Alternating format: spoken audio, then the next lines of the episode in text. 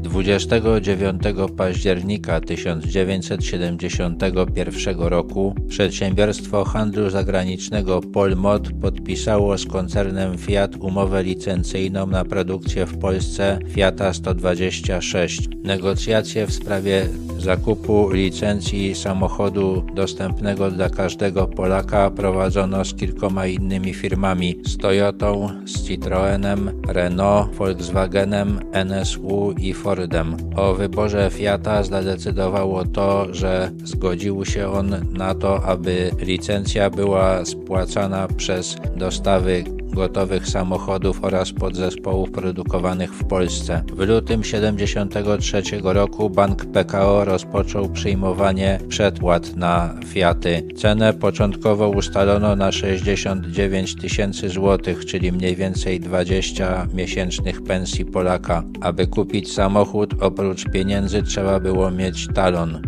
Produkcja rozpoczęła się latem 1973 roku w Bielsku w fabryce sprzętu mechanicznego przekształconej w fabrykę samochodów małolitrażowych. We wrześniu 1975 roku rozpoczęła produkcję fabryka samochodów małolitrażowych w Tychach. Fiat 126P był mały, głośny, do 100 km przyspieszał w ciągu ponad 50 sekund, ale Polskę. Od roku 1997, gdy wygasły prawa licencyjne, nosił nazwę Maluch. Produkcja tego modelu zakończyła się 22 września 2000 roku. Łącznie w Polsce powstało ponad 3 miliony 318 tysięcy tych samochodów, z czego 1 150 tysięcy w Bielsku Białej, a 2 miliony 166 tysięcy w Tychach. We Włoszech tych samochodów zbudowano 1 300 tysięcy. Maciej Zębaty stwierdził, że w latach 70.